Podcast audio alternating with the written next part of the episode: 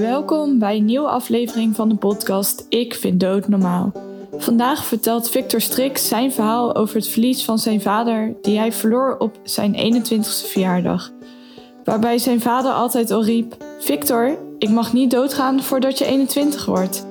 Drie weken voor het overlijden van zijn vader sprak hij hem daarop aan, niet wetend dat zijn vader zou overlijden. Een bijzonder verhaal van Victor waarbij hij ook het verlies van zijn moeder deelt, die hij 15 jaar geleden heeft verloren. Dankjewel Victor voor het delen van jouw verhaal aan mij en de luisteraars. Nou, dankjewel uh, voor de uitnodiging. Mijn vader was in 1973 een van de eerste patiënten in Nederland met een open hartoperatie. En sindsdien, ik weet eigenlijk niet beter omdat mijn vader altijd zei van ik mag niet doodgaan voordat Victor 21 is. Nou, dat heeft hij redelijk goed uh, kunnen behappen. En hij werd, of ik word in februari is mijn verjaardag. En in januari vroeg aan mijn vader: Goh, pa, je hebt altijd gezegd van ik mag niet doodgaan voordat hij 21 is. Waarom eigenlijk? Nou, dat had dan uh, allemaal te maken met de voogdijregelingen en hoe dat dan zou moeten. Daar maakte hij zich echt uh, altijd zorgen om. Okay. Ik zei, ja, nou, pa, ik ben straks 21. Maar veronderstel nou, als, je, als jij nou doodgaat. We weten allemaal dat het gaat gebeuren, maar niemand weet wanneer. Ja. ja van, wat, uh, wat wil je dan eigenlijk? En wie, wie moeten we bellen? wat moet er gebeuren? Hij had een eigen zaak. Nou, daar hebben we eigenlijk een hele avond over gesproken. Over, nou, uh, uh, die vereniging moet op de hoogte worden gebracht. En we hebben een testament en uh, zus en zo. En ik wil die muziek hebben. En die mensen moeten echt worden geïnformeerd helemaal niet weten dat het drie weken later zover was. Zo. Ik was zo blij dat we toen dat gesprek hebben gehad, terwijl er helemaal niks aan de hand, aan de hand was. Ja. Maar ik wist wel wat hij wilde en ik wist ook wat hij niet wilde. Nou, daar ben ik hem nog steeds uh, dankbaar voor. Ja, uh, super bijzonder. Ja, het was echt heel, heel apart. Ja. Dat heeft wel geresulteerd in dat ik dus een aantal maanden later ook op mijn bureau een envelopje heb staan met. Daar is het testament. Ik heb een codicil. Er liggen uh, adresenveloppen klaar. Of uh, adresstickertjes met naam en adres van mensen waarvan ik denk dat het belangrijk is dat die op de hoogte zijn. Ja. En tot op heden wordt er nog steeds ieder jaar bijgewerkt, dat adreslijstje. En door ze dan toch kerstkaarten gaan versturen, nou, dan heb ik automatisch een update van het uh, hele bestand. Nou, die print ik altijd twee keer uit. Eén keer voor de kerstkaart, één keer voor je weet maar nooit. Ja. En ik voel me daar heel, heel prettig bij. Dat ik niet mijn uh, vrouw of kinderen, andere nabestaanden, opzadel met dingen of wat. Zo, maar bij, ja, dus je vader was eigenlijk plotseling. Ook al hebben jullie het besproken, wat super toevallig, ja, toevallig hij, en wel super mooi. Ja, je hoort dat niet zo heel vaak, eigenlijk bijna nooit. Dus geeft dat rust dat je hem daarvoor toevallig ervoor erover hebt gesproken? Heel veel rust. Ja, geeft me nu ook rust dat ik weet van als er wat met mij gebeurt. Ik bedoel, mijn kinderen en mijn vrouw weten waar die envelop staat op kantoor. Ja. Nou, prima. Meer heb ik niet nodig. Ja, ik herken dat wel. Dat je ik begon opeens muziek op te schrijven. Met, oké, okay, als ik ooit, dan heb je alvast een muzieklijstje. Ja. En uh, mijn jongste broer Dave, die vond dat echt, die had echt zoiets van, waar ben jij mee bezig? Maar jij doet het op jouw manier ook wel weer dat je, ja, het heeft inderdaad wel impact. En op je, maar dus op je 21ste verjaardag, nou, toevallig had je drie weken ervoor met je vader gesproken. Mm hij is aan een, aan hartstilstand. Ja, hij is overleden aan een, uh, aan een hersenbloeding. S'nachts kwam hij opeens... Ik woonde toen nog uh, thuis. Stond hij opeens s'nachts in mijn kamer en zei van... Goh, Victor, ik heb zo'n hoofdpijn. Nou, hij kwam nooit uh, naar mijn kamer toe om te vertellen dat wat aan de hand was. Ja. Dat vond ik al, al raar. Hij, hij, stond altijd iets eerder op dan ik. En dan dronken we samen een kop thee en een ontbijt. En dan ging ik naar mijn werk toe en hij ging ook aan de slag. En op die ochtend uh, vond ik hem op de, op de wc, had op de wc een, een hersenbloeding uh, gekregen. Oh. Um, uh, gelijk huisarts gebeld. Nou, die was er in een mum van tijd. Ja. En opeens lag hij in het uh, ziekenhuis. Met de ambulance afgevoerd. Ja, mijn moeder lag nog slapen boven. Dus moest moeder gaan vertellen dat vader... ja, dat iets aan de hand was. Ja. Dat de huisarts onderweg was. mijn moeder gelijk natuurlijk helemaal in paniek. En met de persoonauto zijn we achter de ambulance aangereden. Ja, die gaat natuurlijk op een gegeven moment de trambaan op. En dat, uh, ja, braaf en onschuldig als je bent, durf je dat dan niet om door achteraan te rijden. En in het Westijn ziekenhuis in Haag bleek dat de scanner kapot was. Dus toen moest hij naar het Lijnburg worden overgebracht. Dus ook weer die paniek en onzekerheid, toestanden enzovoort. Ja, omdat het via een hele andere kanaal gaat, je weet ook niet waar, de, uh, waar je vader is op de, op de ja. welke afdeling. Ja. Dus uiteindelijk uh, gevonden. Toen vroeg de, de arts van, zijn er bijzonderheden? Zeg, ja, hij heeft een open hartoperatie gehad, zwaar hartpatiënt, hoog cholesterolgehalte. Uh, nou, binnen een mum van tijd stond opeens twintig van die witjas in de, in de kamer. Want iedere discipline kwam bij, een hoop uh, co-assistent enzovoort. En hij is na tien dagen overleden uiteindelijk. Oké, zo. Ja, en je hebt hem vanaf dat moment niet meer gesproken. Nou, nauwelijks kunnen, kunnen, kunnen spreken. Nee. Wat ik, uh, waar ik nooit zo vergeten is dat hij zei van ik heb zo'n dorst. Maar hij mocht niet eens drinken. Uh, en ja. kon wel met zo'n uh, soort wattenstaafje met citroenwater. Ja. Mochten we wel eens lippen vochtig maken. Ja, ja, dat, ja. ja. Wat, wat voor gevoel had je toen, toen je, je vader het zo zag? Want ja, het is wel je vader. Ja, ik vond het verschrikkelijk. Ja, uh, ja heel angstig. Maar ik vond ook... Ik was de enige die nog thuis woonde. Samen met mijn moeder. Ja. Dat ik moest vooral uh, sterk zijn. Ik moest haar alleen slepen. Want mijn moeder was echt van de een op de andere minuut een uh, verslagen wrak geworden. Ja. En dan heb je helemaal geen tijd om, uh, om stil te staan bij je eigen verdriet of dat soort uh, zaken. Ik, uh, mijn vader was een van negen kinderen. En er waren al een aantal broers of zussen overleden. En moest ook mijn oom Theo bellen. Ja. je broer is in het ziekenhuis op Laba. En of hij langs mocht komen. Maar ja, hij lag op de IC en er mochten maar maximaal twee bezoekers zijn.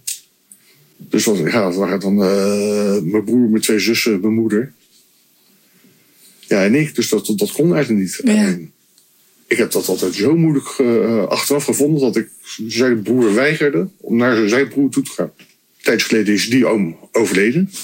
Op de respectabele leeftijd van 91. Want bij ons in de familie zitten ze dus allemaal zo rond de 61. Oh, zo. Toen had ik met mijn neef uh, over. Ik zeg dat ik eigenlijk mezelf nooit heb vergeven. Dat ik vader heb geweigerd om naar mijn vader toe te gaan. Ik zei van nou, ja, dat heeft mijn vader het wel eens over gehad. Dat hij dat inderdaad heel, heel moeilijk vond. Maar hij snapte het wel, maar... Dus hij, hij wist dat ook nog. Ja. Ja. Ja, ja wel fijn om te horen, denk ik. Dat ja, het dan, ja. Maar ook dat het dus op jou wat heeft gedaan en bij de, je oom ook. Dat dat beide. Ja, dat, dat je het ook. Niet, ja. Mijn neef er nooit over had gehad. Nee, dus dan weet je, ja, heeft het toch ook wat bij je oom gedaan? Want anders vertelt hij dat natuurlijk ook niet aan, aan jouw neef. Ja, ja, een vraag wat nu zo omhoog komt hoor. Maar als je. Ja. je bent nog niet bijna rond de 60. Heb je daar, vind je dat spannend? Of heb je zoiets, nee, nee, komt wel goed. Ik ga nog wat langer leven, omdat je vader dat heel specifiek zei. En dan in, bij je vaders familie ook rond? Of heb je er nooit bij stilgedaan en kom ik nu opeens met een vraag? Nee, nee, nee, dat, nee dat houdt me wel degelijk bezig. Ik, uh, uh, ik heb me uh, vanuit die gedachtegang dat het, het, het familiegemiddelde niet zo hoog ligt. Ja. Heb ik me ook nooit echt druk gemaakt over pensioenen opbouwen of dat soort dingen. Ja. 61, 62 komt natuurlijk steeds dichterbij. Ik, ik ben daar niet bang voor. Maar het zal me verbazen als het al zo zou. Als het er overheen zou gaan. Oké. Okay. Um, ik heb een broer die is 12 jaar ouder. Dus die is nu 70. Ja. Dus die is 9 jaar over de leeftijd heen. En met mijn broer heb ik uh, de laatste paar 20 jaar eigenlijk uh, heel weinig uh, contact gehad. De laatste twee jaar is daar weer iets van een eh, toenadering naar elkaar. En ik vroeg aan Paul van, joh Paul, jij bent nu over de 61. Hoe vind jij dat? Ja. Nou, hij vond het ook heel, uh, heel raar. Maar hij zei van, ja, dat, het, het, het went. Het was even... En ik heb een zus, die is inmiddels uh, 68. En met haar heb ik ook niet veel contact. Maar wel gevraagd van, joh, uh, jij bent nu ook ja. 60 geweest. Ja, ja. Ja, zij ervaart dat ook als heel bijzonder, heel apart. Mijn moeder is 78 geworden. Dus daar zitten oudere broer en zus zitten daar nog onder. Dus die... Ja, ja, ja. Ik ben uh, uh, uh, zelf hartpatiënt. Ja. Mijn zus ook. Mijn jongste zus, die is twee jaar ouder. Die heeft inmiddels ook een bypassoperatie gehad. En het, het hoogcholesterol gehad, dat is echt een, een familiair iets. Ik heb meer neven en nichten. Met stents als, als zonder. Okay. maar de hele medische wereld is natuurlijk zo veranderd, zoveel beter geworden. Er is geen enkele reden om aan te nemen dat ik onder het familiegemiddelde zou blijven. Ja. Dus, dus de vooruitzichten zijn, zijn gewoon goed, maar het lijkt me ook lijkt me gewoon, gewoon heel, heel raar. Ja, dat snap ik wel. Een veronderstelde dat ik mijn pensioen uh, wel haal. Nou ja, ik altijd nog verhuizen naar een wat kleinere woning of, of anderszins om het balbaar uh, te houden. Ja, precies. Ja, ja, ja, inderdaad. Hoe ga je er eigenlijk mee om? Mijn vader was een origine timmerman. Toen hij uh, nog leefde, ik wilde kok worden. Banketbakker, kok. Nou, dat vond hij jammer, maar hij respecteerde dat. Hij was wel blij dat ik iets met mijn handen wilde gaan doen. Ja. um, dat, dat was echt, uh, echt heel erg leuk. Uh, toen mijn vader overleed, liet hij ook een gigantische berg met gereedschappen achter. Waarvan ik de helft niet wist waarvoor het was. Want dat was zo'n specialistische timmermansspul. Ja. Maar ja, mijn moeder wilde niet meer blijven wonen in, in, in dat huis. Die wilde verhuizen. Dus het, uh, het huis moest, moest, worden leeggemaakt. Ja, ze woonden daar al uh, vanaf uh, 1956. Dus er, er, stond nogal wat binnen. Maar er zijn to, toen ook een aantal gereedschappen naar mijn kant opgekomen.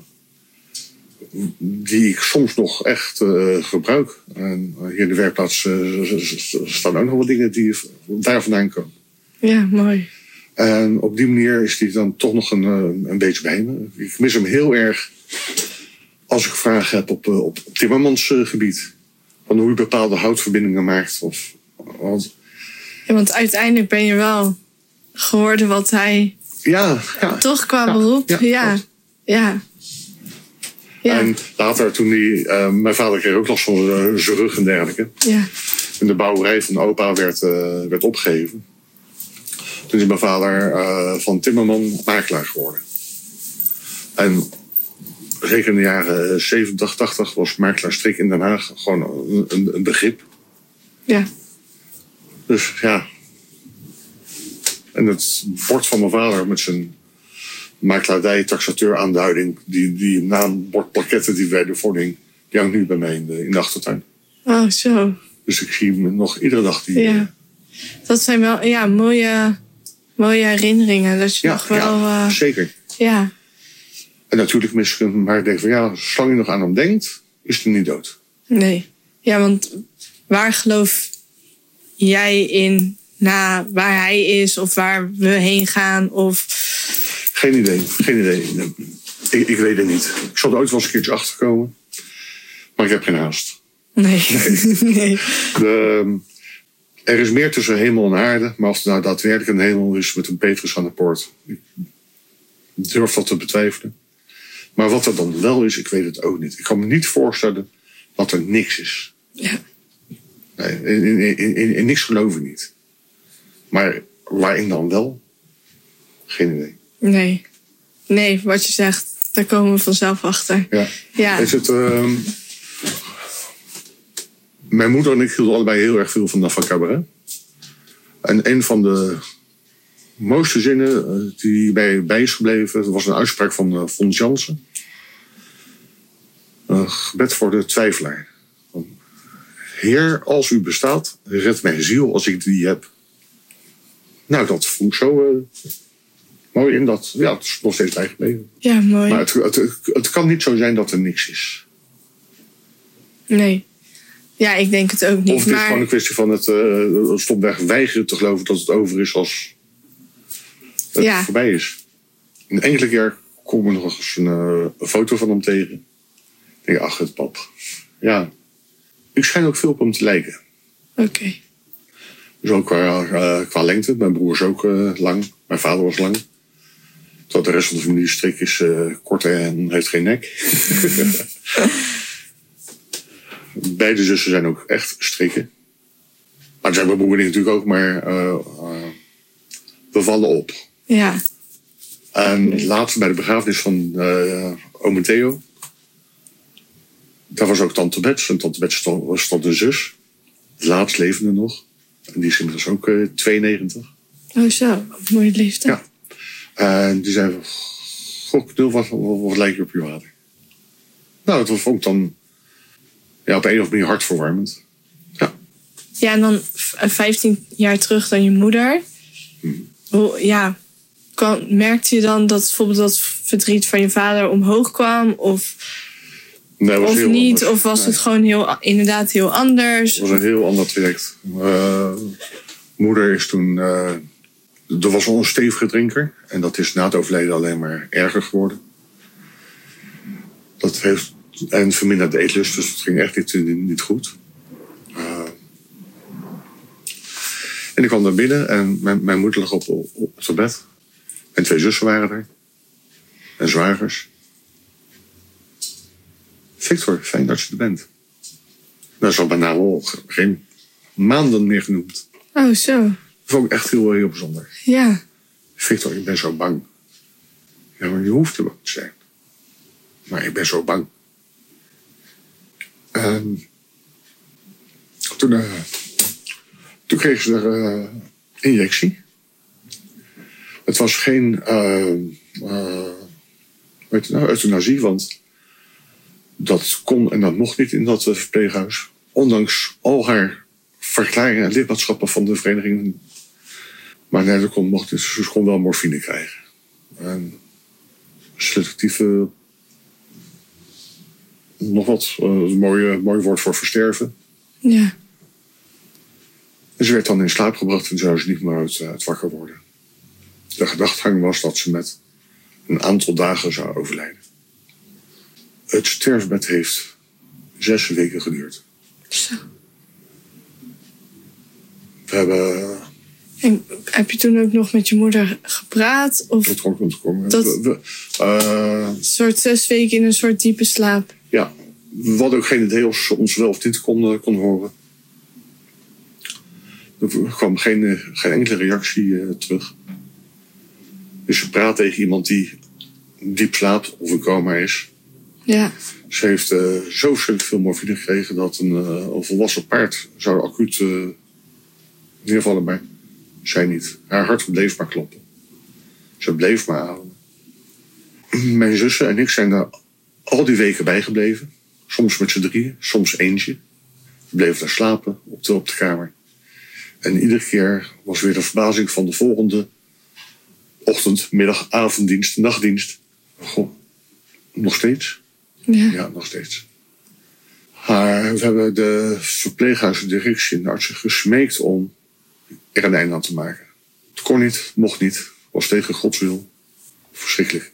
ja. Haar oren waren al zwart, haar voeten waren al zwart. Haar navel lag zo wat op de ruggengraat. Zo. Ze was zo bang.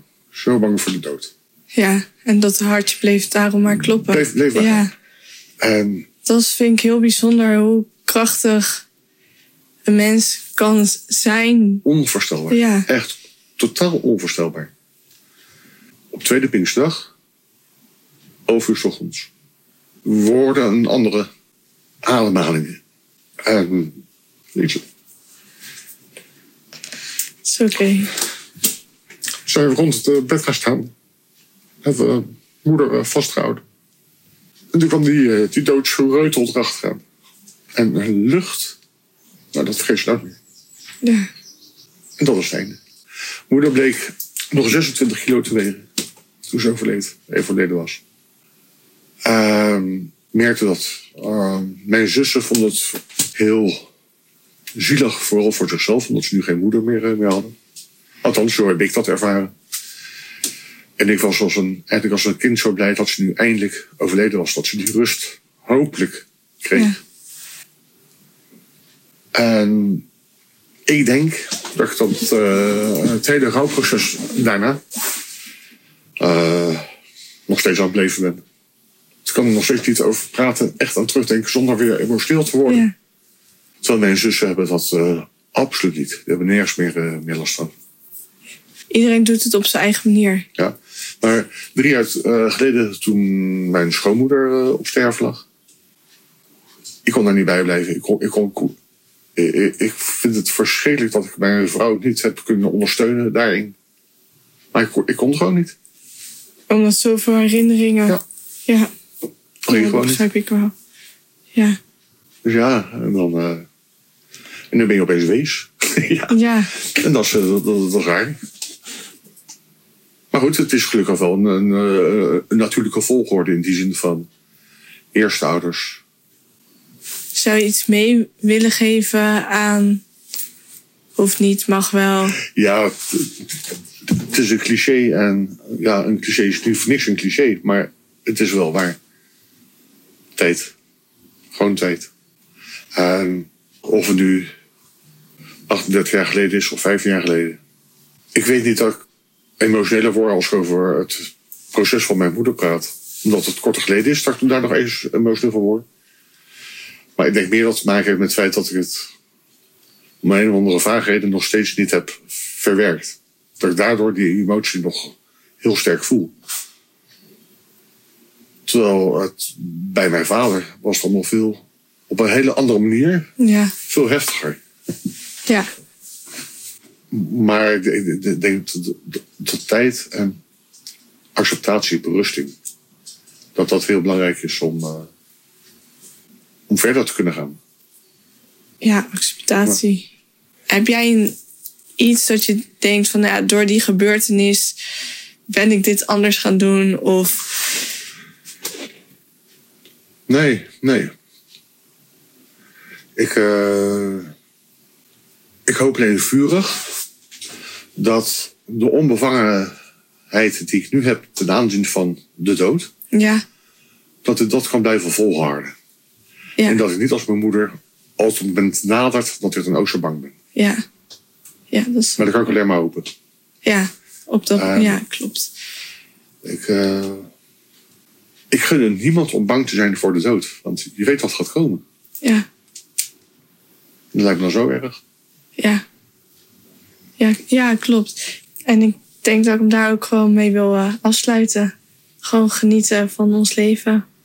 Pluk de dag een tooie zegening. Ja, Want je bent zoveel rijker en gelukkiger als je ziet wat je hebt. Als dat je maar blijft kijken naar de dingen die er niet zijn. ja, supermooi. Ja, dankjewel. Dankjewel. Dankjewel voor het luisteren van deze aflevering. We praten over de dood, verlies en rouw. Maar voor mij laat het vooral zien dat ieder persoon een verhaal heeft. En dat je niet weet als je buiten op straat loopt wat de ander heeft meegemaakt. Herken je jezelf hierin? Heb je ook een verhaal wat je graag wilt delen? Of wil je gewoon even contact zoeken? Dan kan dat zeker. Stuur mij een berichtje op het Instagram-account. Ik vind dood normaal. En zo hopelijk spreek ik je snel. Of luister je de volgende aflevering. In ieder geval, super dankjewel. En ik wens je een hele fijne dag.